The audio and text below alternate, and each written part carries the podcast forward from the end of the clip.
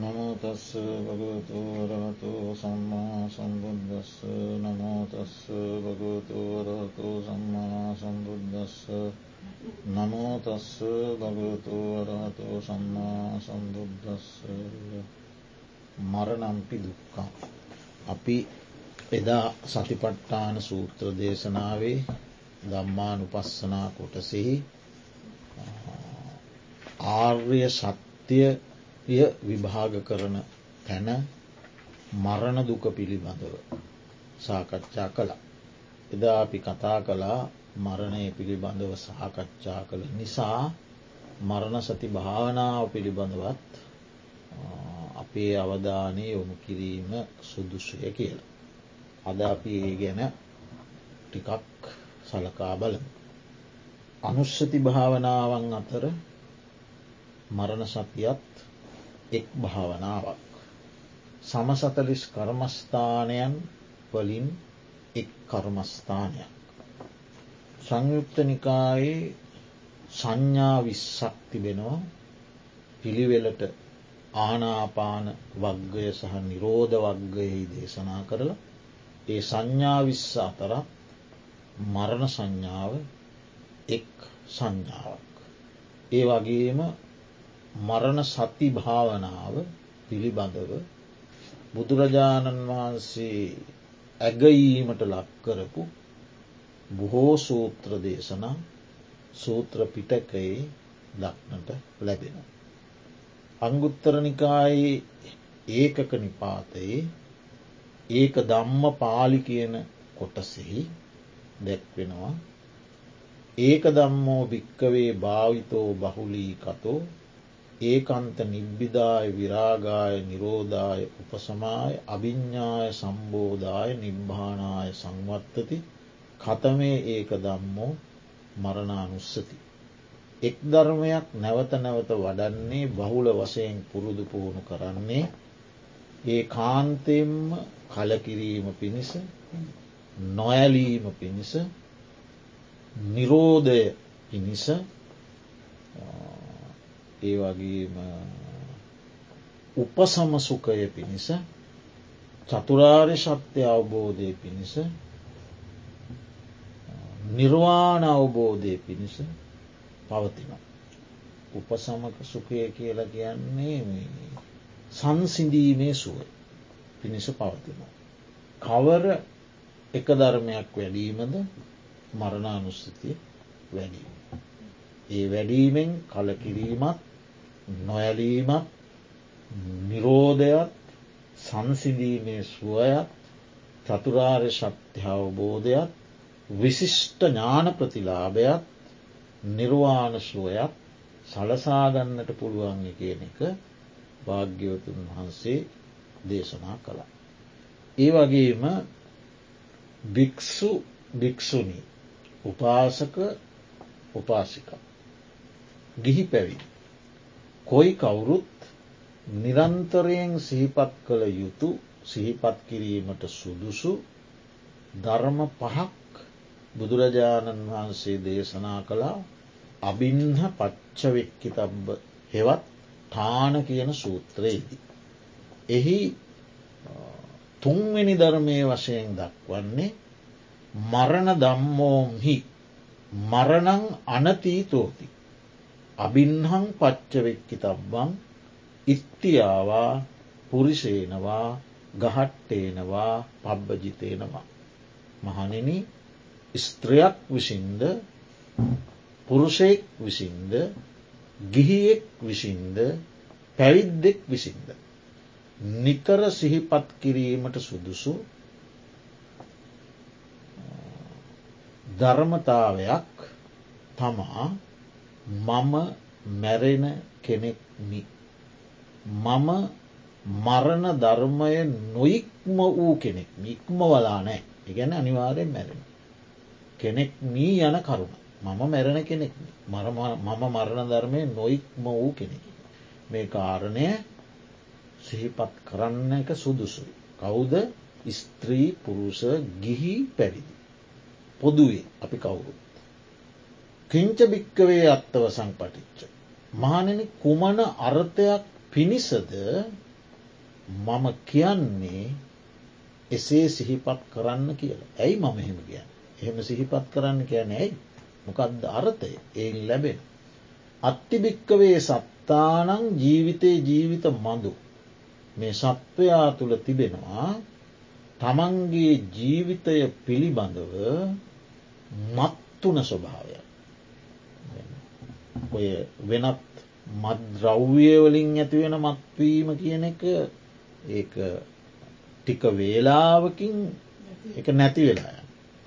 ජීවිත මදයෙන් මත්වීම කියන එක උපතේ සිටම් පවතිනවා මම මම එක්තරා කෙනෙක්නි කියනේ මදය කාතුලත් තිබෙන. ඒන මදේන මත්තා මේ මදයෙන් මත් වූ සත්වයෝ. කාකවුරුත් මේ මදයෙන් මත්තුනාම කායේන දුච්චරිතන් චරති වාචාය දුච්චරිතන් චරති මනසා දුච්චරිතන් චර.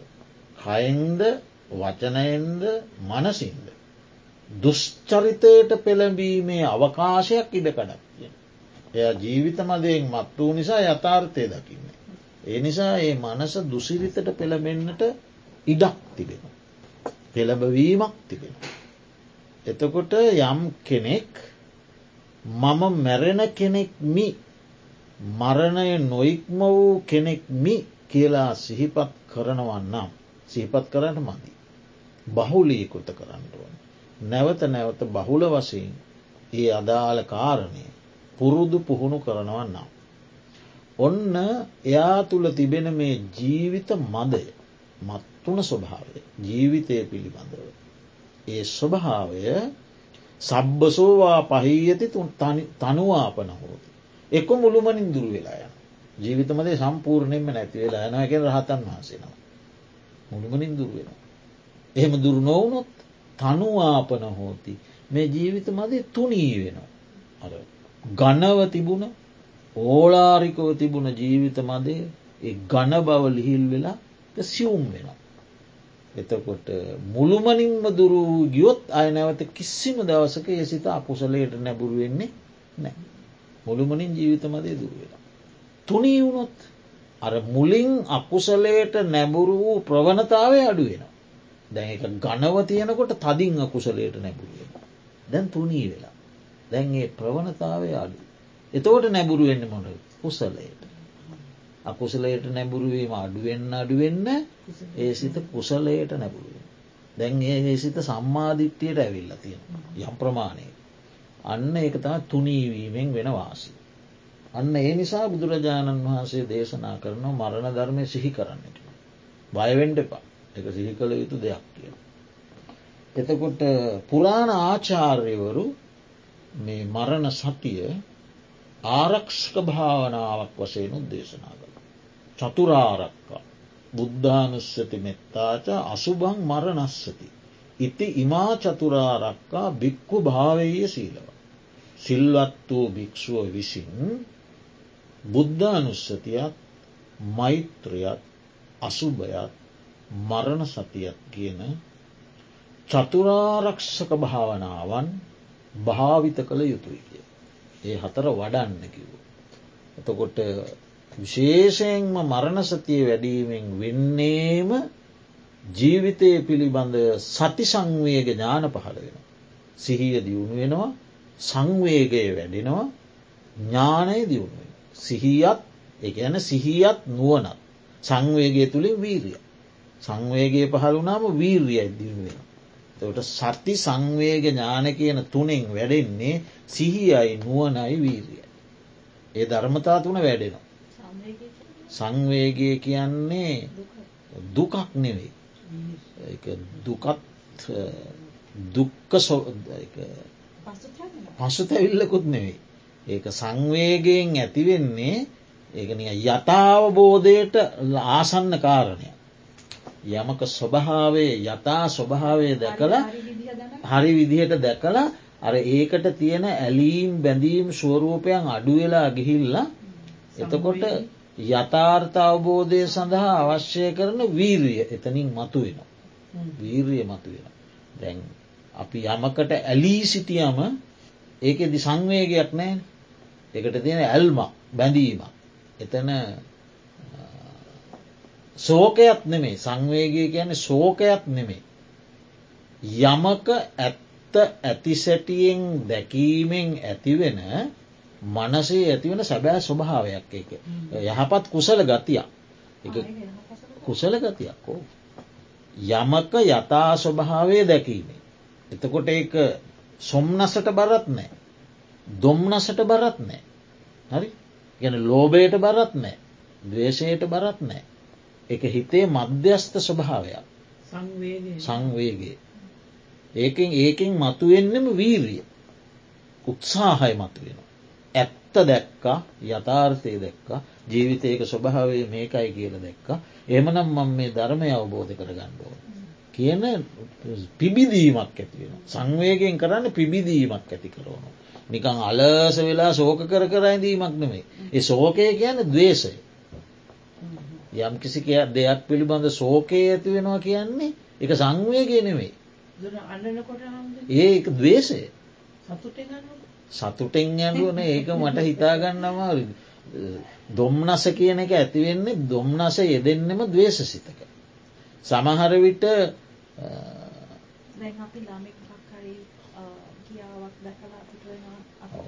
ඒක ඔව ඒ ඒ මේනවා සද්ධාවත් එක්කත් කඳුළු වෙන ස්වභාවයන් තියනවා. බනාහනකොට එන්න ස්වභාවයන් තියෙනවා. ඒක දවේශය වෙන්න බෑ. නමුත් සෝකය කියන එකටන් ඇති වෙන්නේ ඔවු. සෝකය කියන එක දැ මළගෙදරත් මළගෙදරකට කියල්ල සෝක වෙනවා අපි ඒ සෝක වෙන්නේම එතන තියෙන දවේශ සහගත බව. එකන හිත දොම් නසට පත්වෙල. හිත දෝමනස්සයට පත්වෙලා. හිතේ සොම්නස නෑ. සොම්නස දොම්නස කියල දෙකක් තියෙනවා. සොම්නස නෑ හිත දොම්නස් වෙලා. සංවේගේ හෙම එකක් නෙමේ. දැ මළගෙවල්වලටත් කියනවනේ අපේ සාතිසේ සංවේගේ පල කරනවා කියලා හැම බැනරහෙම දානවා. ඒ ඒ සංවේගේ ධර්මය උගන්නන සංවේගේ හෙම දුකක් නෙවේ. එම දේශයකුත් නෙවේ. සංවේදී කියන එක වෙනයි. දෙකක් දෙකක්.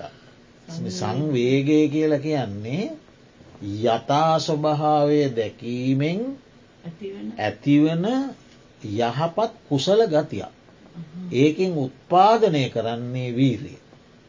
වීරී උත්පාදනය කරන. අනේ මමත් මේ අවබෝධ කරගන්න. මේ යථාර්ථයට මං ප්‍රවේශ වෙන්න කියන එක.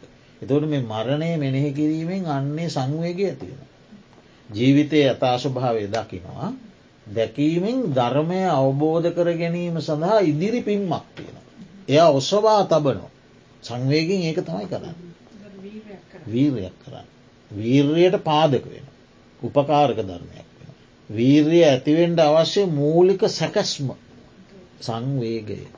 මූලික අඩිතාලම සකස් කරන. සකස් කරලා පසු ඒ පස්සට දාන්න ඒ මොහොතම එතනම වීරී ඇතිවෙන.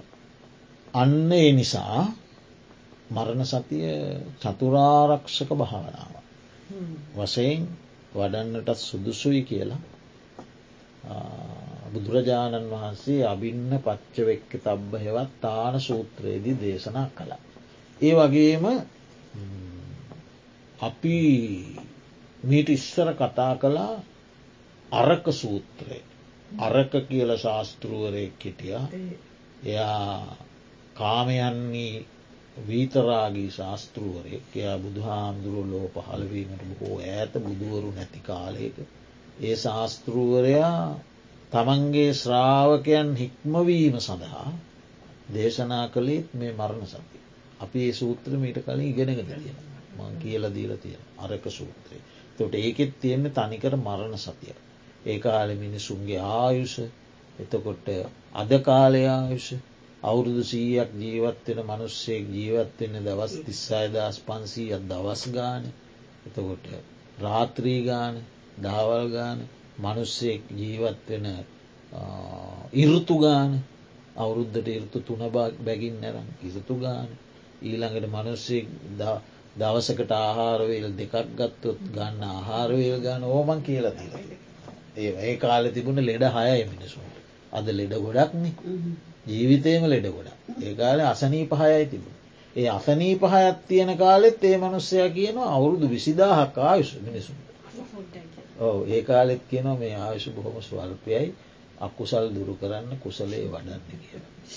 විසිදාහත් තිබ්බ කාලෙ ලෙඩ හයත් තිබ්බ කාලෙ හෙම කිව්වන අද මේ ලෙඩ ගොඩක් තියෙන කාලේ අසුවක් අනුවක් ඉන්න කාලේ අදටයි ඒ ධර්මය ගැලපෙන්නේ කියල බුදුහාමුදුරු දේශනා කලා එනිසා මහන්නේ නුබලාත් මරණය ගැන සිතන්න කියල. ඊළඟට අස්සාජානීය පතෝද කියල සූත්‍රයක් තියෙන. අංගුත්තර නිකාය චතුක්ක නිපාති. ඒකෙති බුදුරජාණන් වහන්සේ ආජානයේ අශ්වයෝ හතරගෙන ගැන තමයි දේශනා කරන්න. ආජානයේ අශ්වයෝ අශ්වකුලේ ඉන්න උසස්මස්වය ඔය සත්තු අතරත් තියෙන හැම බෙදී. හැම සත්‍යයෝම එක වගේ නෑ සුනකයෝ අතරත් තියෙනවා මිනිසු ඉහල ග්‍රේට් සුනකය අපි හදාගත්තේ තම නමුත් ඒගොල්ලොන්ගේ හැසිරීම් රටාවල වෙනස්කම්ති. ආජයනය ආජානයේ අශ්වයාගේ හැසිරීම් සාමාන්‍ය අශ්වයාගේ හැසිරීම් වලට වඩා වෙනස්. ඒ වෙනස්කම් අටක් බුදුහාන්දුරෝ දේශනා කරන. ආජානයේ අශ්වයන්ගේ වෙනස්කම් අටක්. එකක් තමයි එයාගේ අම්මත් ආජානයකුලේ. තාත්තත් ආජානය කුලේ. එය උපදින්නේ අශ්වයන් ආජානයේ අශ්වයන් උපදින ප්‍රදේශවල විතර හැම්ම තැනව ගිහිල්ලා හෙම පැටවුග හෙීමක් නෑ ආජානයේ අශ්ව. හරිද වෙන සත්‍යත් එක්ක ඇසුරකුත් නෑ. ආජානයේ අශ්ව එක්ක පමණ. ඒක ඒගොල්ලොන්ගේ තියෙන විශිෂ්ට ගතිය.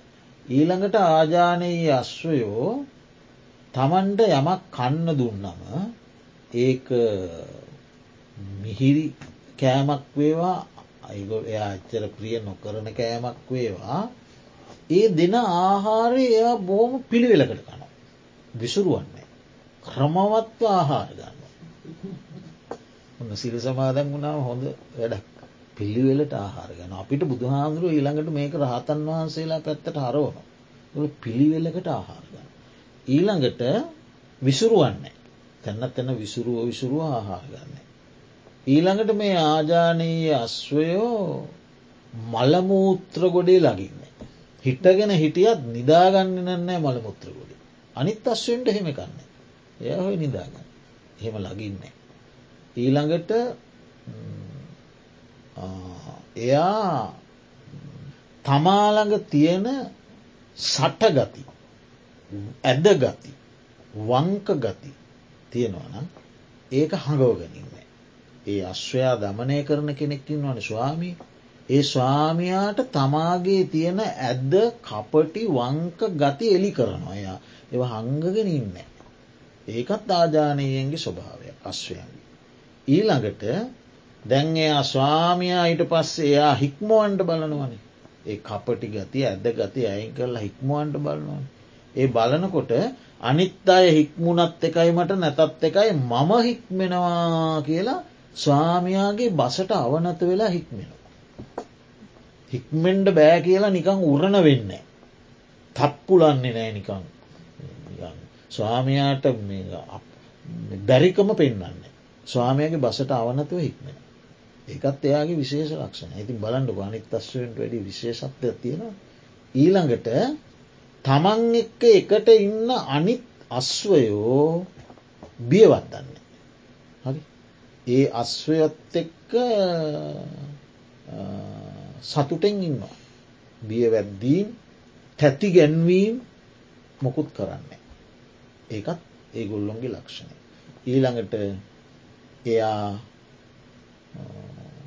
රිජ්ජු මාර්ගය යන තමන් තමන් හික්මෝන පුද්ගලයා යම් දිසාවකට මෙහේවනවන යම් ගමනකට ඒ මෙහේවනකොට ඇද්දට යන්නේ නෑ. ඒ මෙහේවන දිසාවට රිජ්ජු කෙලින් මාර්ගය යන අර මෙහෙම මෙහෙම වක් වෙලා ඔහොම ඔහොම එයමත් නෑ. ඒ බුදුහාන්දුරු දේශනා කරනවා. අස්වයෝ ගැනත් බුදුහාන්දුරුව පුදුම ඉගෙනීමක් නෙ කරලති. අන්න ඒ අස්වයන්ට කෙන ආජානය. ඉතින් ඊළඟට බුදුහාන්දුරුව ඒක දේශනා කලා භික්‍ෂූන්ට. භික්‍ෂූන් වහන්සේලාටත් දේශනා කර. ඒක වෙනම කතන්තර මං ඔය ආජානී අශ්වයෝ ගැන කියන්න ටික ගත්තේ. අන්න ඔය ලක්ෂණ අටෙන් යුක්ත භික්‍ෂුව ආජානීය භික්ෂුවක්. ඒ භික්‍ෂුව ආහුනේ යැයි බෝදුර බෑර සිට වනත් ගෙනවිත් පුද සත්කාර කරන්න සුදුසුයි. පාහුනේ යැයි රාජරාජ මහා අමාත්‍යාදීන්ට පවා හදපු ආගන්තුක දානය මුළු කොටස වුනත් දෙඩ සුදුසුයි. දක්කිනෙයයි පරලෝ පින් සඳහා මෙලෝ පින් සඳහා දෙනු ලබන දානය පිළිගන්නන්නට සුදුසුයි. ඇඳිලි බැඳලා වඳින්ට සුදුසුයි ලෝකයාගේ අනුත්තර පින්කෙතයිකුව. අර අශ්වයෝ අශ්වයාගේ තියෙන ලක්ෂණ අට භික්‍ෂුව තුළත් තියෙන. කියල දේශනා කළා ඒක වෙනම සූත්‍රයක් ඉතින් ඔන්න මට කියන්න ඕන වනේ ඒ අයට තම ආජානී අශ්වයෝය. ඉතිං ඒ අශ්වයෝ ගැන බුදුහාමුදුරුවෝ දේශනා කළා එවැනි අශ්වය හතර දෙනෙක්කින්. ආජානීය කුලේට අයත් අශ්වය වර්ග හතරක්කින්. එක. ස්වාමයාගේ අතේ හික්මෝන කෙනගේ අතේ තියෙනවන කසය කසය හෝ කෙවිටක් තියෙන. අශ්වයන් දමනය කරන්න කෙවිට අරන්න යන්න එක කසය. ඒ කසයේ ඡායාව දැක්ක ගමන් වේගේ උපද්දෝ ගන්න. හරි එයට ඡායාව දැක්කම ඇති. මගේ ස්වාමිය දැම්මට කුමක් කරාවිද දන්නේ. කියලා ජවය උපදුව ගන්න. ජවය උපදවගෙන වේගෙන් අර මෙහේවන දිසාවට යනවා. හරි එතකොට එයා වේගේ උපදවා ගන්නේ අර කසයේ සෙවනැල්ලි. කෙවිටේ හෝ කසයේ සෙවනැල්ල. පැහැදිලි. ඒ සෙවනැල්ල දැක්ක ගමන් වේගේ උපදව. හරි ඒ පළවෙනි ආජානයේ අශ්වය. ඔය වර්ග හතරෙන් පළවෙනිය. බුදුහාන්දුරුවෝ දේශනා කරනවා අන්න ඒ වගේ ආජානීය මනුස්සෙක් මේ ලෝකයේ ඉන්නවා. අපි බලන්න ඕන අපි කොයි වර්ගයට දයිද කිය. ඒ වගේ ආජානයේ මනුස්සෙක් ඉන්නවා මේ ලෝකේ. ඒ කවුද යම් කිසි කෙනෙකුට මෙන්න මෙහෙම දෙයක් අහන්ඩ ලැබෙන. අසවල් ගමේ අසවල් නියම් ගමේ අසවල් ජනපදයේ අසවල් නගරේ අසවල් පුද්ගලයා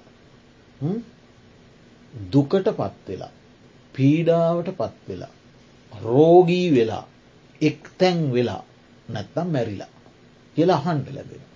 තව දැක්කි නෑ ඉස්සරනං ඒවා හන්ඩ ලැබෙන්නේ කටකතා මාර්ගය. හරි වචන මාර්ගය.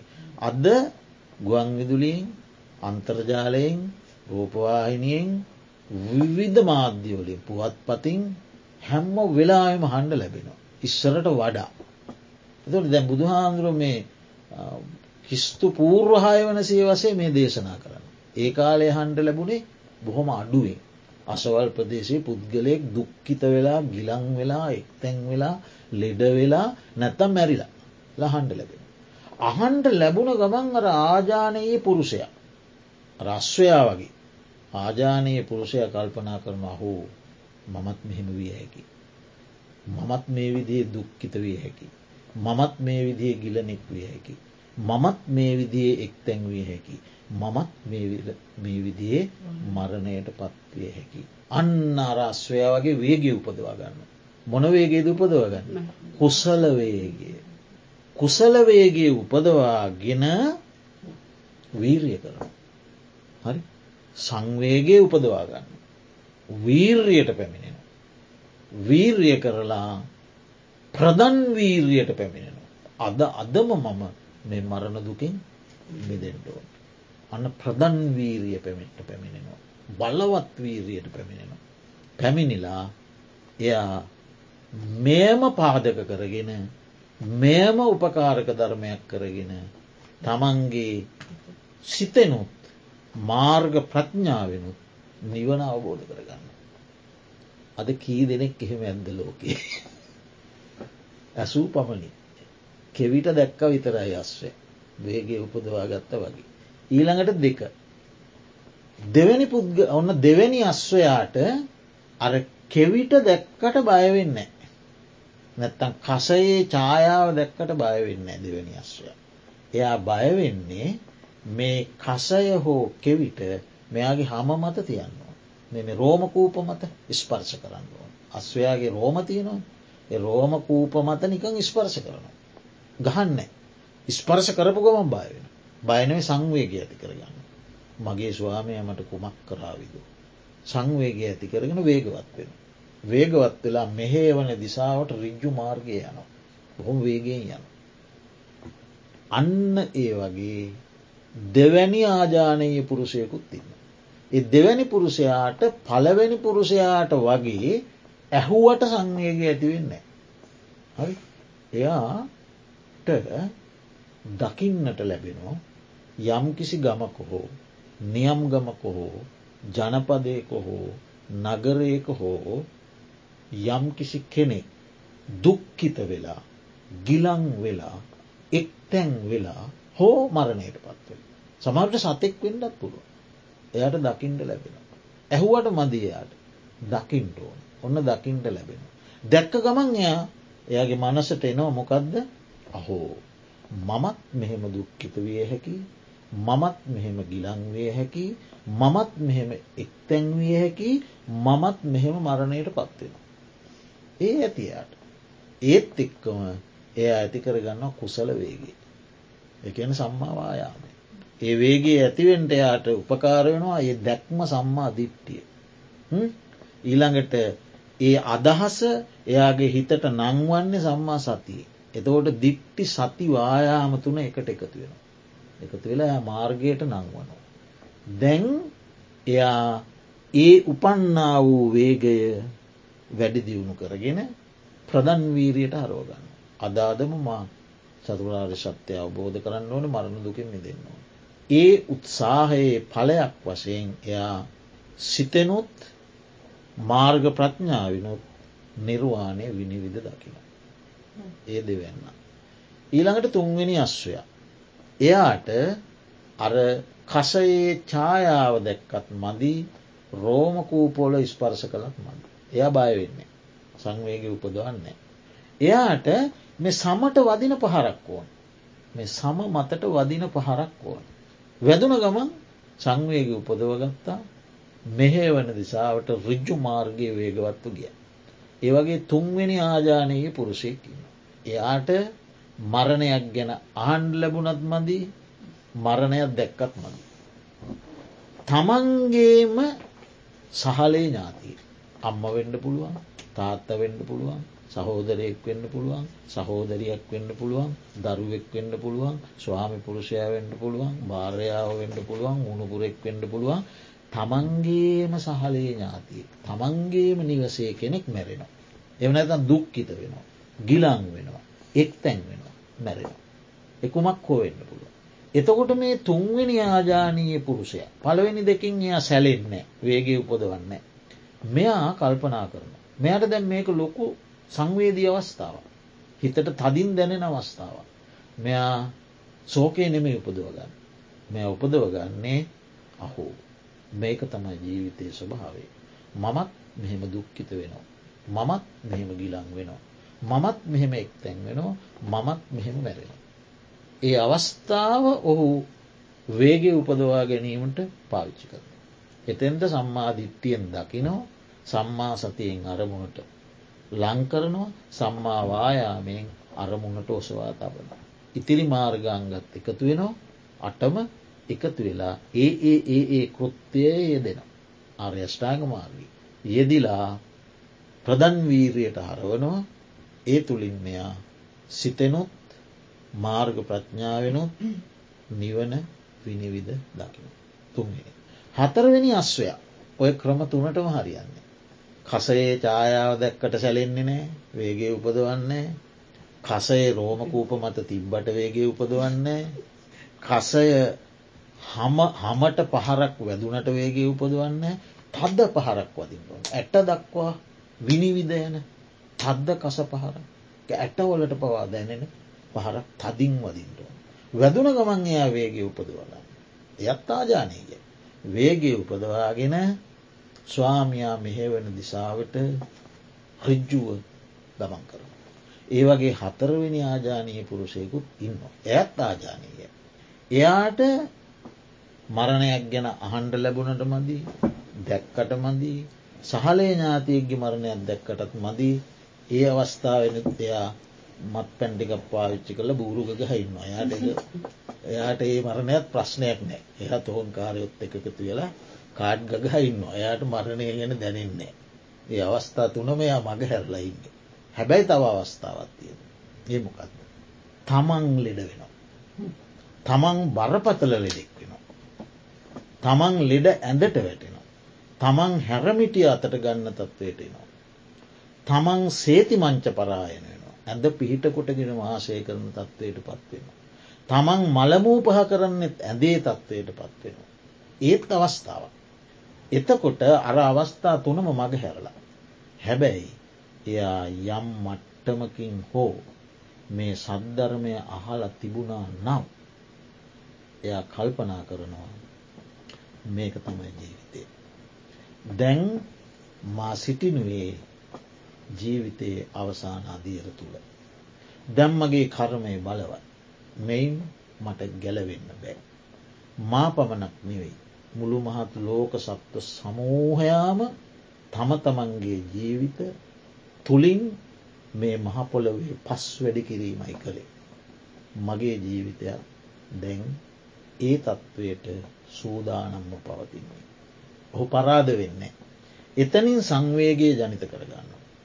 ජනිත කරගෙන ඒ ලෙඩ ඇඳේම සිට චෛතසික වීරියට පැමිණෙනවා. සම්මාධිට්ටිය ඇති කරගන්න. සම්මා සතියෙන් අරමුණ ලංකරවන. ඉතිරි මාර්ගාංග ඒ තුනට උපකාර වෙනවා. ඒ ලෙඩ ඇඳේදීම ඔහු නිවන ශක්ෂත් කරන. ඒ හතරවන ආජානීය පුරුෂ. ඔය හතරෙන්ම යම් කිසි කෙනෙක් ප්‍රයෝජන නොගත්තනම් එයා පුරුෂෙක් බෑ ආජානීය පුරුෂෙක් පුරුෂෙක් ආජානී නො. ඒකට කියනවා අස්සාජානීය පතෝද සූත්‍රය තන්නේ කර මරණ සංඥාව පිළිබඳු බුදුරජාණන් වහන්සේ ඉතා විසිතුරු ලෙස දේශනා කළ සූත්‍ර දේශනා. ඊළඟට භාග්‍යවතුන් වහන්සේ වදාරනවා සලායතන සංයුක්තයේ මරණ දම්ම සූත්‍රය සබ්බම්භික්කවේ මරණ දම්ම. මහන්නේ සියල්ල මැරෙන. සියල්ල මැරෙන. කුමන සියල්ලක්ද මැරෙන. ඇස මැරෙන. ඇසට පේන රූප මැරෙන. ඊළඟට ඒ රූපය දැනගන්න විඤ්ඥානය මැරෙන. විඤ්ඥානය හටගන්නව මැරෙන හටගන්නව මැර ඇස මැරෙනවා රූප මැරෙනවා විඤ්ඥානය ඇසයි රූපයි විඤ්ඥානය තුන එකතුවීමෙන් හැදෙන ස්පර්ශය මැරෙන. එකතු වීම ස්පර්ශය එක මැරෙන. ඒ ස්පර්ශය නිසා හටගන්න සැපවේදනාව මැරෙන. සැපවේදනා ඉපදිලා මැරිලෑන. ඒ ස්පර්ශය නිසා හටගන්න දුක්වේදනා මැරෙන. ඒ ස්පර්ශය නිසා හටගන්න දුකත් නොවූ සැපත් නොවූ අදුක්කම සුකත් වේදනාව මැරෙන. කන මැරෙනවා ශබ්ද මැරෙන. කනෙහි විඤ්ඥානය මැරෙන. ස්පර්ශය මැරෙනවා. සැප දුක් මැදහත් වේදනා මැරෙන. නාසය මැරෙනවා. ගන්දය මැරෙන. විඤ්ඥානය මැරෙනවා ස්පර්ශය මැරෙන. සුක දුක් මැදහත් වේදනා මැරෙන. දිව මැරෙනවා රස මැරෙනවා. විඤ්ඥානය මැරෙන. ස්පර්ශය මැරෙන. සැපදුක් මැදහත් වේදනා මැරෙනවා. කය මැරෙනවා පහස මැරෙනවා. විඤ්ඥානය මැරෙනවා. ස්පර්ශය මැරෙනවා. සැපදුක් මැදහත් වේදනා මැරෙනවා. මනස මැරෙනවා. මනසේ යටගන්න සිතුවිලි මැරෙනවා. විඤ්ඥානය මැරෙන. ස්පර්ශය මැරෙන. සැපදුක් මැදහත් වේදනා මැරෙන. එතකොට හතලිස් දෙකයි. ඉන්ද්‍රිය හයයි අරමුණු හයයි විඤ්ඥානහයයි ස්පර්සහයයි සැපවේදනාහයයි දුක්වේදනාහයයි මැදහත්වේදනාහයයි. හතලිස් දෙක ඔක්කොම් මැර. මෙන්න මෙහෙම දකිනා භික්‍ෂුව ඇසෙහි කලකිරෙන. හරි මේ හතලිස් දෙකේම කලකිරෙන එකින් එකට කියන්න හතලිස් දෙකේම කලකිර. නිබ්බින්දති කලකිරෙන. නිබ්බින්දම් විරජ්ජති කලකිරීම නිසා ඇලීම දුරුවෙන. විරාගා විමුච්චති. හරි කලකිරෙනවා කලකීර නිසා ඇලීම දුරුවෙනවා ඇලීම දුරුවීම නිසා මිදෙනවා. මොනවගෙද මිදෙන. ජාතියෙන් මිදෙන. ජරාවෙන් මිදෙනවා. ව්‍යාදියෙන් මිදෙනවා.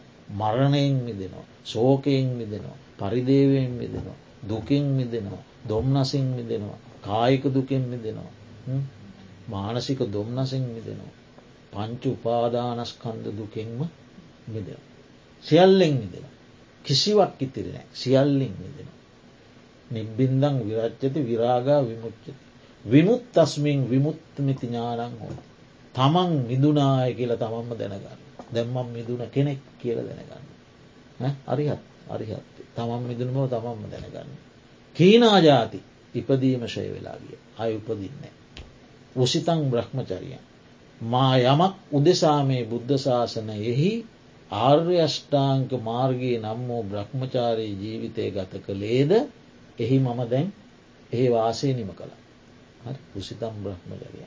කතන් කරණීයන් නාපරං ඉත්තත්තාය. ආර්යෂ්ඨාංක මාර්ගයේ වැඩීමෙන් මං යමක් කළ යුතු වූයේද එසිල්ල බං කළ අය කරන්නමට කිසිව උතිරෙන. කියලා තමන්ගේ අරිහත්වය තමන්ම දකි. තමන්ම ප්‍රකට කරගන්න. නුවනින් දකින. ආන්න එතන සබ්බං කියන වචනයට ඇතුළත් කරලා තියෙන හතලිස් දෙකක් කරු. සබ්බම් භික්කවේ මරණ දම මාන්‍ය සියල්ල මැරෙනසු. ඉන්ද්‍රියහාය අරමුණවාය විඤ්ඥානාය ඉස්පරසාය සුකවේදනාය දුක්වේදනාය මැදහත්වේදනා. අයවරක් කතා අතලිස් දෙක. ඒ සියල්ල මැරෙන. ආන එතකොට දැන් ඒ මරණය මෙනෙහි කිරීම අරිහත්වයට හේතුද නැද්ද. කෙලීම ඒ මෙනෙහි කිරීමෙන් තමයි අරිහත්වය දක්වා ගමන් කළේ. මරණ සතිය ඔහුට අරිහත්වය සඳහාම මඟ පෙන්වා. ඒක එක සූත්‍රයක්. ඊළඟට සංයුක්ත නිකාය මරණනුස. සංයුක්ත නිකායේ ජරාසූත්‍ර ඒකත් මං කලින් කියලා දෙන බුදුරජාණන් වහන්සේ පූර්වාරාමය පිටු පස පිට තවමින් ඉන්න වෙලාවක ආනන්ද සාමීන් වහන්සේ ළඟට ගිහිල්ල බුදුරජාණන් වහන්සේගේ මේ ශරීර අවය මේ ස්පර්ශ කරමින් අර කියපු එකමන් කලින් කියලතින ඒ සූත්‍රයත් මරණ සතිය තමයි බුදුරජාණන් වහන්සේගේ කායික ස්වභාවේ වෙනස්වීමේ ස්වභාවේ පැහැදිලි වෙන තැන. තනත් මරණ ධර්මය පිළිබඳ සටහනක් තියෙනවා. ඊළඟට සතිපට්ටාන සූත්‍රයේදී මහා සතිපට්ටාන සූත්‍ර දේශනාවේ අපි නව සීවතික කියන කොටස කායානු පස්සනා දාහතරේ භාවනා අරමුණු දාහතරේ අන්තිම කොටස නවසීවතිකේ. එක සීවතික භාවනාවක් වුණත් ඒකින් කියන්නෙත් මේ මරණයෙන් පස්සේ සිදුවෙන විපර්යාසය. ජීවිතේ. ඒකාහ මතන්වා දවිය මතන්වා තීය මතන්වා උද්දුමාතකම් විනීලකම් විපුබ්භක ජාතන් මැරී එක දවසක් ගියා වූ දවස් දෙකක් ගියා හෝ තුනක් ගියා වූ ඔවු එක දවසක් ගියා හෝ දෙකක් ගියා හෝ තුනක් ගියා හෝ ඉදි මුණාව ඔන්න ගිල්ල දවස් දෙක තුන යනකොට ඉදිවෙන. වර්ණය වෙනස් වුනාව නිල් නිල් වුණා වූ කියන තද කලු පැහැයි. ඊට පස්සේ ඉදිමිලා නිල් වෙලා ඕජාව වැගිරෙන්නාව. ඕජාව වැගිරෙන්නාව. අන්න මලකුණක් දකින. දැකළ ඒ මලකුණ උපසංහරණය කරනවා. මමත් මෙහෙම වෙනවා. මම කලින් ආවා ගියා හිටගෙන හිටියා ආහාරගත්තා හැරුණා වාඩි වෙලා හිටිය නිදාගෙන හිටියා. මම කලින්. මෙයත් කලින් එහෙම තව. මෙයත් කලින් ඒ ඔක්කොම කළ. මම දැන් කරනය දැන් කලින් නෙමේ මම දැම් මේවා කරනවා. කනවා බොනවා යනවා එනවා ඇඳුම් අදිනවා හිතනවා ආහාර ගන්නවා මල මූපහ කරනවා. මේ කරනයවා ඔක්කොම කලින් මෙයා කර. හෝ. දැන් මෙයා එක් තැන් වෙලා. මොකුත් ඒවා කරන්න. විඤ්ඥානයකුත් ඔක්කොම් පහ වෙලා ගිය. දැන් ඉදිමිලා නිල් වෙලා. දැන් අර ඕජාවයගන්නවා මමත් මෙහෙම වෙනවා. මං දැන්ඉන්න තත්වේ කලින් මෙයා හිටිය. දැන් මෙයා ඉන්න තත්වයට පස්සේ මමත් එනවා කියලා ඒක උපසංහරණය කර. අය නවසීවතිකේත් මරණය පිළිබඳව මරණයෙන් සිදුවන විපර්යාශයන් පිළිබඳව තමයි කතා කරන්න. ඊළඟට බුදුරජාණන් වහන්සේ දේශනා කරනවා සංයුක්තනිකායි සංඥා විස්සක් එයින් මරණ සංඥාව පිළිබඳව දක්වන. මරණ සංඥා භික්කවේ භාවිතෝ බහුලී කතෝ මහප්පලාවන්ති මහානි සංස. මහනෙන මරණ සංඥාව වඩන්නා බහුල වශයෙන් පුරුදු පුුණු කරන්නාට එය මහත් පල වෙන මහත් පල ඇති කරන. මහානිසංස මහත් වූ ආනිසංස ඇති කරන. කෙසේ වඩන ලද මරණ සංඥාව. මහත් බල වන්නේ මහානිසංස වන්න කොහොම වඩන ලදක. කොහොම දෙක වැඩිය යුත්තේ. කොහොම වැඩු ඔොද්ද මහත් පලවෙන්න මහානිසංස වෙන්න. මහනින මේ ශාසනයේ භික්‍ෂුව වඩන ලද මරණ සංඥා ඇත්තේ. ඇ මරණ සංඥා වඩන වඩල දැන් දියුණු කරගෙන යනවා. ඊළඟට මෙයා මරණ සංඥා සහගතව සහගතව කියන්න ඒ මරණ සංඥාවට අනුව ගිය සිතක් දැම්මයාගේ වැඩ කරන්න. හරි දැන් ඒ කියන්න දැන් එයා දකිනවා. දැන් ඇවිදින කොටත් එයා දකිනෝ. මේ මේ හැම ක්‍රියාවකම මරණය දකිනවා දැ. හරි එතකොට ඔබ මොබ බලනකොටත් ඒ ක්‍රියාවල මරණය දකිනවා මේ සමීප වෙන්නේ මරණයට.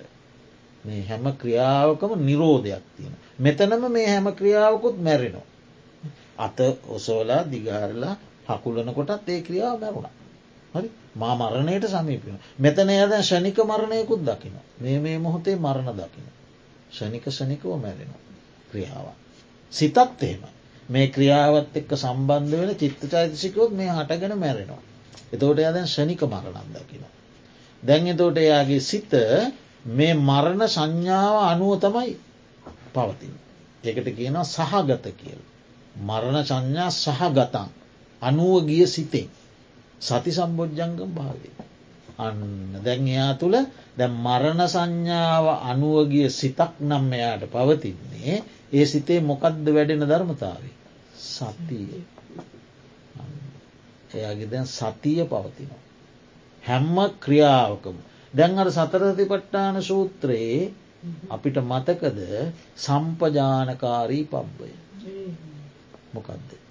යන්නේ එන්නේ හැරෙන්නේ ඔබ මොබ බලන්නේ පාත්‍ර සිවුරු දරන්නේ ආහාර ගන්නේ අනුභව කරන්නේ කඩාගෙන කරන කැවිලි පෙවිලි අනුභව කරන්නේ කඩාගෙන කන්නේ මළමූපහ කරන්නේ පාත්‍ර සිවුරු දරන්නේ කතා කරන්නේ කතා නොකර සිටින්නේ. ඒ හෑම ක්‍රියාවකදී මොහු සම්පජානකාරී වෙනවන එක සතිපට්ටාන සූත්‍රයෙක් භාවනාව. දැන් එය මෙතෙන් ඩැවිල්ල ඔයදී. හරිද. දැන් මෙයාගේ හෑම ක්‍රියාවක්ම මෙයා සතියෙන් කරනකොට මෙයා සම්පජානකාරී. සති සම්පජන්න.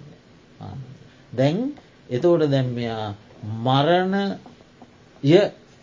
මරණ සතිය අනුව ගිය සිතින්. මරණය අනුව ගිය සිතින්. මරණ සංඥාව අනුව පවතින සිතෙන්.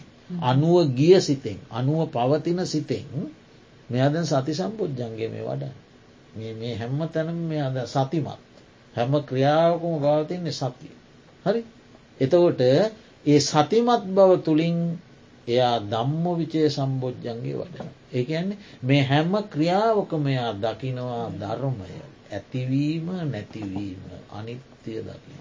මේ හැම ක්‍රියාවකම ඇතිව නැතිව යන ස්වභාවේ හැදකින එක දම්ම විචේ. හරි එතකොට එයා ඒ මරණ සංඥාවනුවගේ සිතෙන් සතිය දම්ම විචය වැඩෙනකොට දැන් අය ආපස්සට හැරෙන්ඩ හිතේද. අය ආපස්සට හැරෙන්නේ. එයා ඉදිරියටම නිවන දක්වාම මේ සතිය එයාගේ ජීවිතයට මඟ පෙන්වන්න. එතෝට එයා තුළ වැඩෙන්නේ වීරිය ආතාපි බව. තොට විරිය සම්බෝජ්ජන්ගේ වැඩෙන. හරි එතෝට දැන් සතිය දැන් තමා තුළ වැඩෙන බව තමන්නේ දකින්න. අනුන් නෙමේ නිදකින් අනුන්ටත් තැම් කිසි වැටහීමක් ඇතිවෙන ඇති තමන්තම දකිින්. තමා තුළ වැඩෙන දම්ම විචේ සම්බෝජන්ගේ තමන් මයි දකින. තමා තුළ වැඩෙන්න වීරිය තමන් දන්න දකිනොද. දැන් දකිනකොට වෙනදා නැති උද්‍යහෝගිමත් බවත්. වෙනදා නැති දහම් වැටහීමක් වෙනදා නැති සතියක් තමා තුළ වැඩෙන බව දකිනකොට ඇතිවෙන්න ප්‍රීතියක්ද දුකද. ප්‍රීති සම්බෝධ්‍යන. ඒක තමාම දැන් හතරක් දකිනවා. දකිනකොට දැන් අය කයේ සිතේ ඇතිවහේද ධර්තයෝ දැන් සංසිදුන ස්වභාවය සැහැල්වා පස්සද්දි. ඒටික වැඩෙනකොට දැන් සිත දුවයි දෙහාට මෙයාට අය දුවන්ටි ඩක් නෑ. සමාධියයට උපකාරක ධර්මටි කොක්කොම දැන් තමා තුළ වැඩිලා. සතිය වැඩිලා දම්ම විචේ වැඩිලා වීරිය වැඩිලා ප්‍රීතිය වැඩිලා පස්සද්ධිය වැඩිලා දැන්ගේ හිතේ ඇත්තේ සමාධිමත් ස්වභාවය. සිත එකඟයි. හැම අරමුණකම එකඟ සිතා. සමහර විට පොඩි පොඩි චලනයන් සිද්ධ වනත් සතිය ඉන්න ආරක්ෂකය. එයා වහාම මෙතෙන්ට ගෙනල්ල තැන්පත් කරන. හරි දුවන්ඩ විදිහක් නෑ. ආරක්ෂකය ළඟ. දහම් වැටහීමත් ළඟ. එතවට සමාධී. ඊට පස්සේ ඒ සමාධිමත් සිතෙන් ලෝකයේ දෙස ස්කන්දයන් දෙස තමා දෙස බාහිර ලෝකයේ දෙස බලනකොට එයාට ඇලෙන්න දෙකුත් නෑ ගැටෙන්න දෙකුත් නෑ ඇලීම් ගැටීම් වලින් තුර මධ්‍යස්ථ බව ඔපෙක්කා. අන්න ඔය බොජ්ජංග හතම වැඩෙනවා. මරණ සංඥාවෙන් මරණ සංඥාවෙන් යනවා බොජ්ජංගයන්ට. අන්න මහත් පලයි. මහානිසංස. හරි ඒකෙන් එයාට මොකක්ද ලැබෙන් මොකක්ද ඒකෙන් ලැබෙන්. මෙලවදී රහත් වෙන. ඔන්න ලැබෙන එක. මෙලවදී රහත්වෙන. නැත්නම් උපාදාන සහිතව ත උපාදාන තියෙනවා. ශේෂ වෙලා තියෙනවා ඉතිරි වෙලා තියෙන. උපාදාන තව ඉතිරි වෙලා තියෙනවා. ඉතිරිව තිබියදී මිය පරලෝ ගෙනවා අනාගාම. අනාගාමී වෙනවා. එක්කෝ රත්වෙනවා එක්කෝ අනාගාම. එහෙම නැත්තං එයාට මහත් තව තියෙනවා නිසංස. මහත් අර්ථය පිණිස පවතින. මෙලවාර්ථය පරලෝවාර්ථය ඒ සියලු අර්ථ ලබා දෙනයට. විශේෂයෙන් ධර්මය පැත්තේ අර්ථ සියල්ල ලබා දෙන. මහත් යෝගක් හෙමය පිණිස පවතින. ඒ කියන්නේ ත්‍රහත් බව තම. කාමයෝග භවයෝග දිට්ටි යෝග අවිද්‍යා යෝග කියන යෝගයන් සසර යොදවන ස්වභාවයන්. ඒ සියල් කඩාදමීම පිණිස පවතින. මහත්තේ යෝගක්කේම. මහත් සංවේගේ පිණිස පවතින. ලෝකය යථාර්ථය දැකීමෙන් ඇතිවෙන සංවේග ගැන ශෝකය නෙවෙයි අර මුලින් කිව්ව නිබ්බින්දාව කිය නිබ්බිදාව කලකිරීමන. ඔව ඒ කලකිරීමත් නෙවෙයි. මේක හොඳ කුසල ස්වභාවයක්. හොඳ කුසල ස්වභාවයක්. මේකින් තමයි වේගේ ජනිත කරවන්න. මේක යථාර්ථ අවබෝධයක්ත් එක්ක එන එකක්. ඒක සතියයි ඥානයත් එක්කත් මිශ්‍ර වෙලා තියෙන සති සංවේග ඥාන කියලනික තෝට සතියයි ඥානයයි එක්කත් ය දෙන එක. නුවනත් එතන තියෙන සංවේග ඉගෙන එක නුවනත් තියෙන සිහියත් තියෙන හොඳ කුසල ස්වභාවයක්. එක ප්‍රබුද්ධකමක්. පුබුදුවන ගතියක්. වට්ටන ගතියන් නෙමේ ඒ සංවේගය ඇති කරන මහත් පහසු විහරණය පිණිසේති මේ ජීවිතයමයාට බොහෝ පහස්ුවෙන් වාසය කරන්න පුල කන්න ලැබුණ නොලැබුණ අදින්න ලැබුණ අදින්න සරල දෙයක්. චාමය කියන්නේ නොවටිනා දෙයක් ලැබුණ. හොඳ රසවත්තාහාර ලැබුණ. නීරසාහාර ලැබුණ. අපහසු විහරණයක් නෙවෙයි පහසු විහරණය ඒ මහත් වූ පහසු විහරණය පිණිස පවති. අන්න.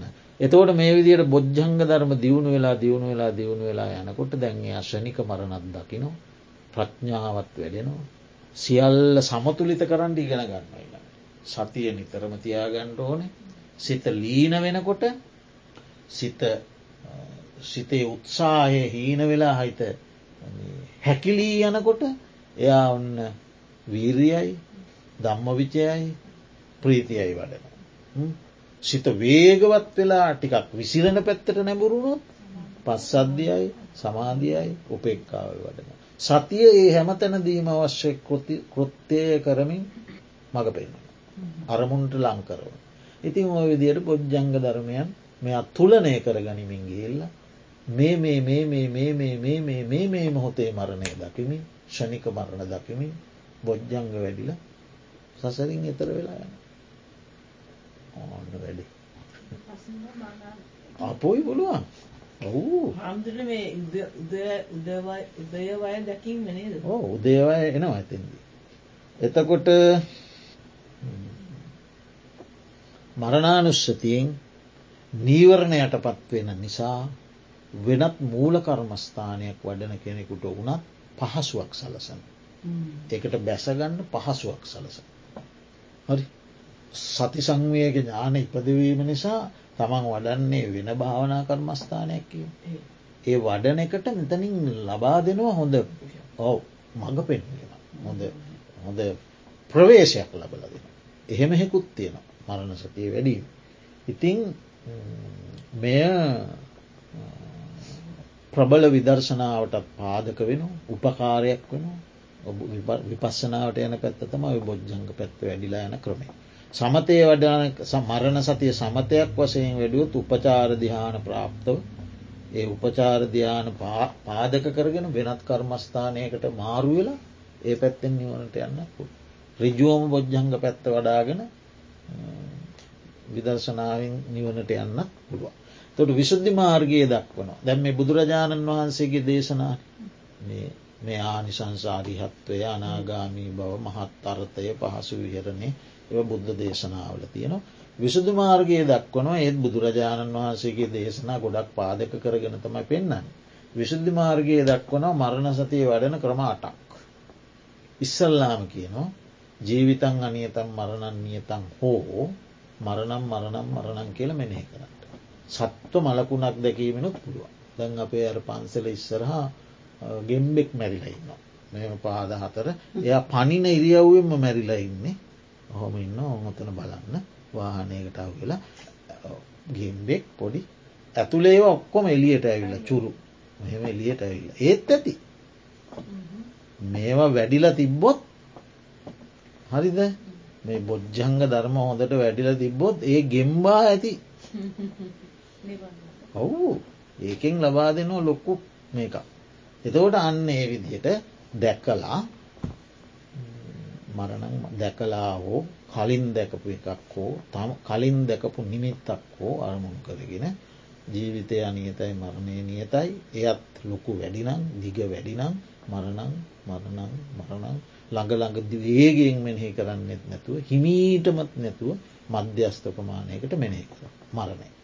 එසේ මෙනෙහි කිරීමේ දීත් දියුණු කළ අධ්‍යාශයන් නැති යෝගාවචරයාගේ හිත එයින්ම සමාධිමත් වෙලා නීවරණ යටපත් වෙන. ඒ ප්‍රමාණවත් නැත්තං ඊළඟට ගන්නන ක්‍රමාට. වදක පච්චු පට්ඨාන සම්පත්ති විපත්ති උපසංහරණ අද්ධාන පරිච්චේද අනිමිත්ත කාය බහු සාධාරණ ආයු දුබ්බලත ආයු දුබ්බලතා ඔය විදිහේ ක්‍රමාටක් වගන්න ඒ විශුද්ධි මාර්ගී. ඒවට බුදුරජාණන් වහන්සේගේ දේශනත් උපකාර කරගෙන තියෙන. එතවට අර මුල් ක්‍රමයෙන් හිත සමාධිමත්වෙන් නැත්නම්.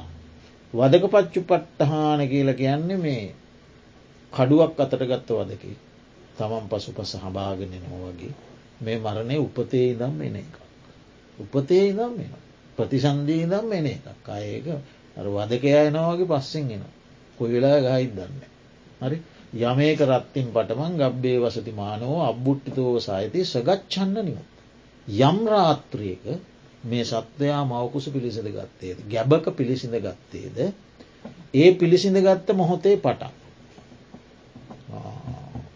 පටන් අහසට නැගුණ වලාකුලක් සුළඟකින් ඇදගෙන යනවා වගේ.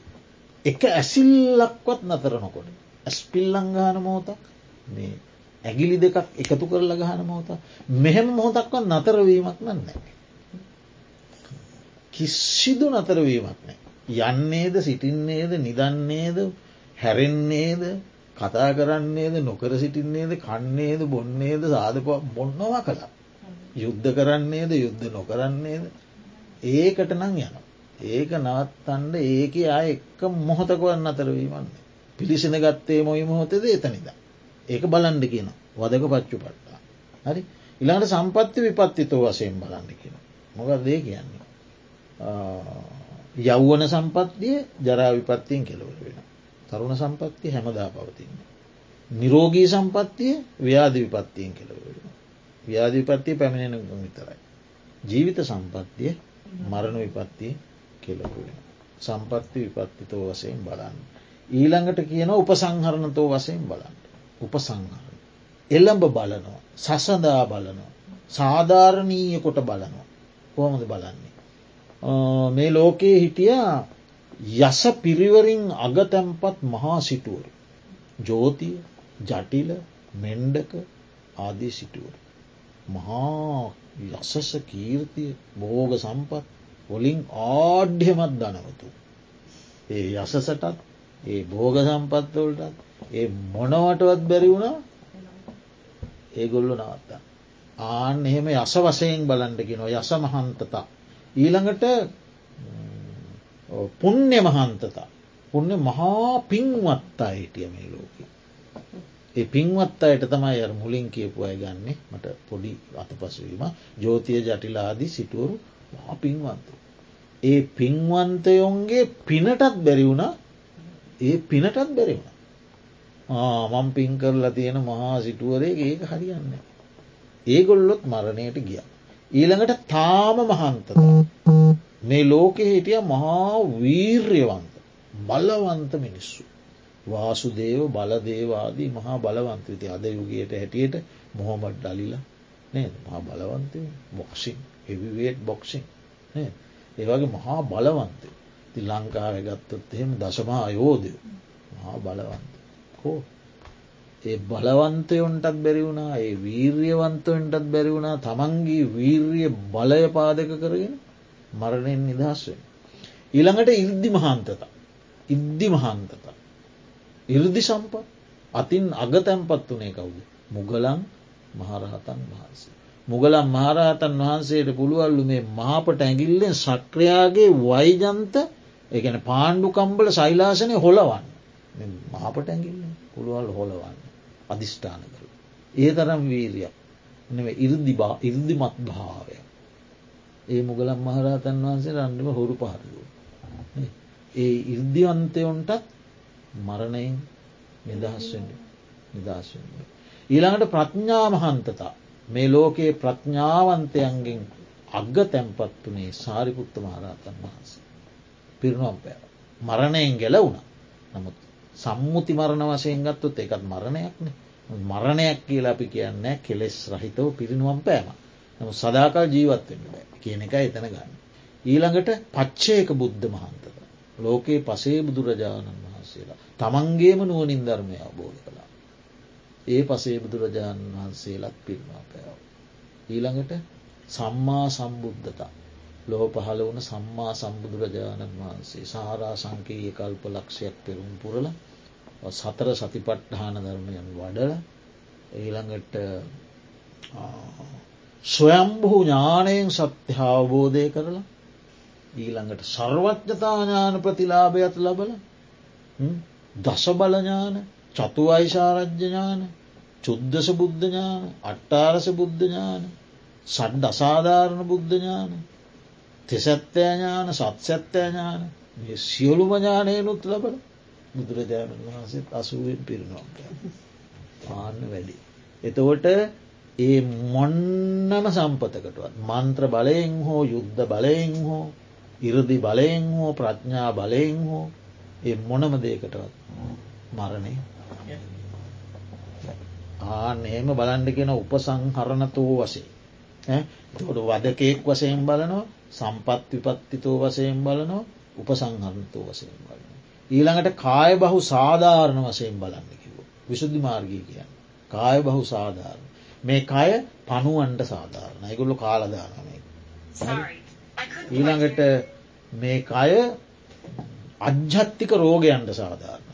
ඇසේ රෝග කනේරෝග නාසේරෝග දිවේරෝග ගයරෝග හිසේරෝග මුකයරෝග දත්වල රෝග පිළිකා අන්සභාග භගන්දල වාතය කිපීමෙන් පිත කිපීමෙන් සෙම කිපීමෙන් හටගන්න රෝග අපස්මාර රෝග ආදී කී නොකී නානාවිද රෝගයන්ට මේකයි සාධාරණ. කාය බහු සාධාරණ. පනුවන්ට සාධාරණයි රෝගයන්ට සාධාරණ. ඊළඟට පත්තෑ ගෝනුසු නයි පොළොම් ආදී සර්පයන්ට සාධාරණ. මෙහ ඉන්නවල් දෂ්ටකොළොත් පෑභාගය ටෙක්සාස්නාගේ ඒ අයට සාධාර ඒගොල්ලොන්ට සාධාරණ ලෝක කොච්චරන්න සර්පයෝකාලම කොච්චර මිනිසු බැන්න්න මේ ළඟදි තිබ ලක්ෂ ගාන කවුරුද්ධකට යනවා. ඒගොල්ලොන්ටත් මේක සාධාරණ. නානාවිද උපද්‍රවයන්ට සාධාරණ. සුනාමි ගංවතුර ගස් කඩා වැටීම ඊළඟට විදුලිය කාන්දුවීම් ටොනාඩෝ ඊළඟට නායෑම් ආදී නානාවිද උපද්‍රවයන් ස්වභාවික උපද්‍රවයන් ශාරීරික අභ්‍යන්තරය ඇපතිවෙන උපද්‍රවයන් ඒ උපද්‍රවයන්ටත් සාධා. ඒ නිසා බුදුරජාණන් වහන්සේ දේශනා කරනවා දහවල් දවස ගෙවිලා රාත්‍රී දවස එනකොට භික්‍ෂුවට මෙහෙම කල්පනා කරන්න කියලා. දහවල් දවස ගෙවී ගිය රාත්‍රය පැමිණිය. එතවට දහවල් කාලයකින් දහවල් දවසකින් මා මරණයට සමීපෝුණ. මේ රාත්‍රියයේ මා පත්තෑයෙක් ගෝනුස්සෙක් කාල මිය යන්න පුළුවන්. මා ගත්ත ආහාරයක් අජීර්ණවීමෙන් මේ යන්න පුළුවන්. වාපිත් සෙම්මාදිය කිපීමෙන් හටගන්නා රෝගයකින් රාත්‍රයේදීම මගේ මරණය සිදුවෙන්න පුළුවන්. ඒ නිසා පය පැකිලී වැටීමෙන් මගේ මරණය සිදුවෙන්න පුළුවන්. එහෙම මගේ මරණය සිදු වනොත් තවමම නිවන් අවබෝධ කරලන ඒකමට අන්තරාය කර ධර්මය. ඒ නිසා මහා මේ රාත්‍රී කාලයේදීත් නිර්වාණය අවබෝධ කරගන්නම විහිසෙන්ට ඕන.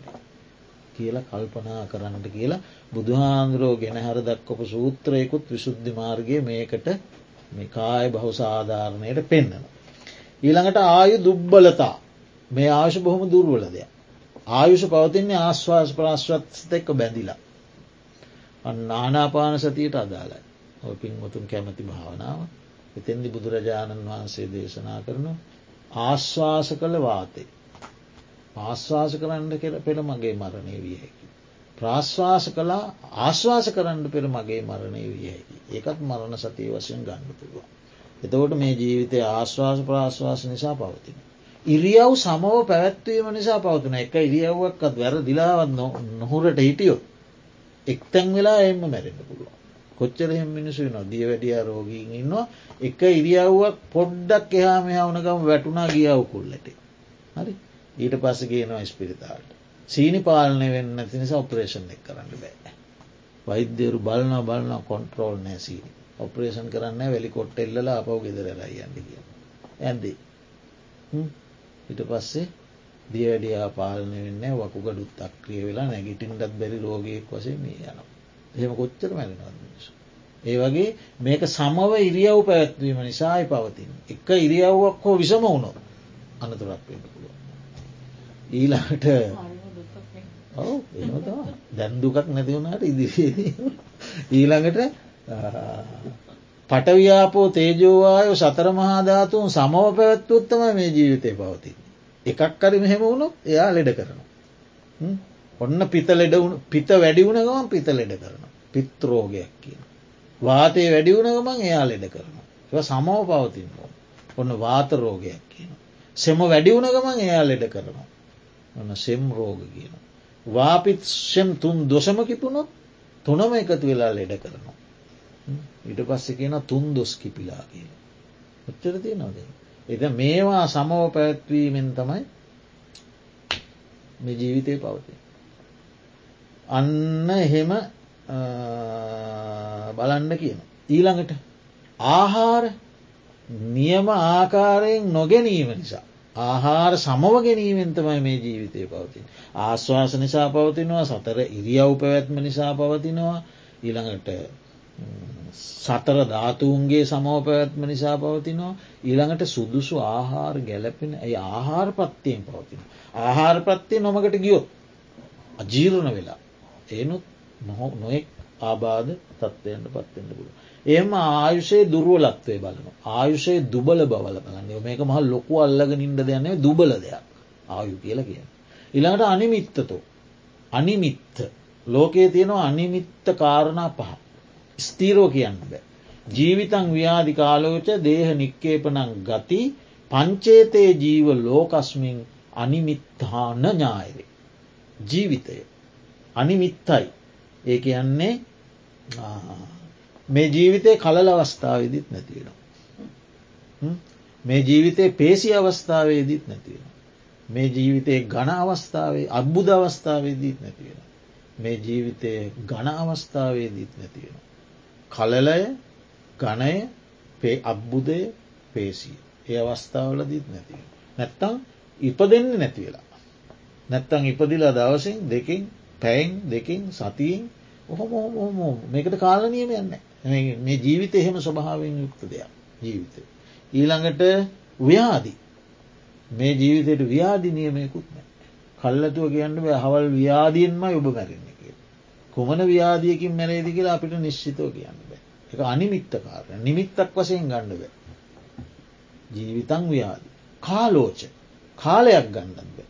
පෙරවරු කාලෙත් මැරෙන මධ්‍යහන්නෙත් මැරෙන හැන්දෑ කාලෙත් මැරෙන රාත්‍රී ප්‍රථමයාමෙත් මැරෙන රාත්‍රී මධ්‍යමයාමෙත් මැරෙන රාත්‍රිය පශ්චිමයාමෙත් මැරෙන කොයි වෙලාදිගන්න බැහම කාලයක් ගණ්ඩද දේහ නික්කෙහෙපනේ මැරුණෙන් පස්සේ අහවල් තැනම මගේ දේහේ දාන්ට ඕන කියලා නියමයක් ගණ්ඩත් බෑ. සමහරට ගොඩ උපන් සත්වයෝ මැරෙනවා දී. දිය උපන් සත්වය මැරෙනවාන් හෝල් මාට්ට කරගෙන අමුවෙන් තියන්ගෙන හෝල් මාට්ට එක නම් බන්ධන්න සමහර කඩවල. අමුවෙන් තියන්ගන්න සතා ඉපදුනේ දී. මෙතන මරණයට සූදානන් කරල ඉන්න ගිල්ලා පාරිභෝගික ඉල්ලුවාම වෙලා මරල දෙෙන. දිය උපන් සත්වය ගොඩ මැරෙන ගොඩ උපන් සත්වය දියව මැනවා ගුවන් යානයනකට මැනවා. දියත් නෑ ගොඩත් නෑ අහස මැරෙන. හරි එහෙම මේ සත්වය අහවල් තැනම වැරෙන්ට ඕන අහවල් තැනටම දාන්න ඕන කියල නියමයකුත් නෑ දේහනික්කේට. ගති මේ සත්වයා මැරුණු මැරුණම් පස්සේ අහවල් තැනම උපදින්ට ඕන කියල නියමයකුත් නෑ. එහෙම ගති නියම වෙන්න කාටද ආර්ය ශ්‍රාවකය. සෝවාන් ශ්‍රාවකයට ගති නියමයක් තියෙනවා ස්තීරෝම කාම භවයන් හතක පමණයි උපදින අපායන්නේ. එහෙම තියෙන. සකදාගාමී ශ්‍රාවක එක්වරක් පමණක් කාම්භාවයට එනවා. අනාගාමී ශ්‍රාවකය නැවත කාම්භාවයට එන්නේ නෑ එහෙම ගති නියමයක් තිය. පෘතක්ජන කිසිම මිනිියකුට ගති නියමයක් නෑ ඔයිට ඉස්සල් ලමන් කියල දෙල තියෙනන ඊරිගේ කතාවේ ගති නියම නෑ. අන්න එකට ගෙන අනිමිත්ත මරණය අනිමිත්ත වසයනුත් බලන්නකි. ඊළඟට ඔය ක්‍රමයට තමයි.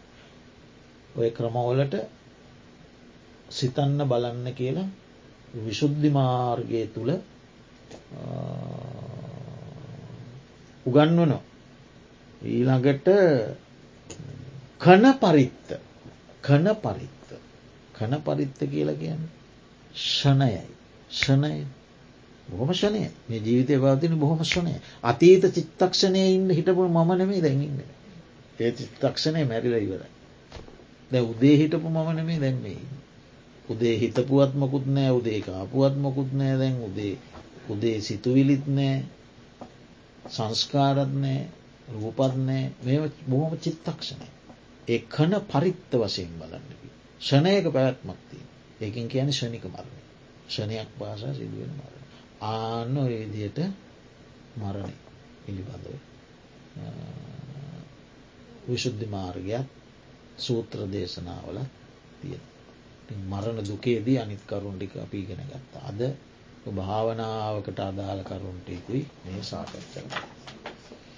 ඉන් මෙතෙක් වෙලා මේ ධර්ම සාකච්ඡාවට සම්බන්ධ වීමෙන් උපදවාගත්ත කුසල ශක්තිය අපටත් අප නමින් පරලෝසපත් ඥාතීන්ට දෙවියන් සහිත ලෝකවාසී සියලු සත්වයන්ටත් උතුම් මමාම නිර්වාණ ශාන්තිය පිණිස හේතුවාසනාවත්වා කියලා පාර්ථනා කර.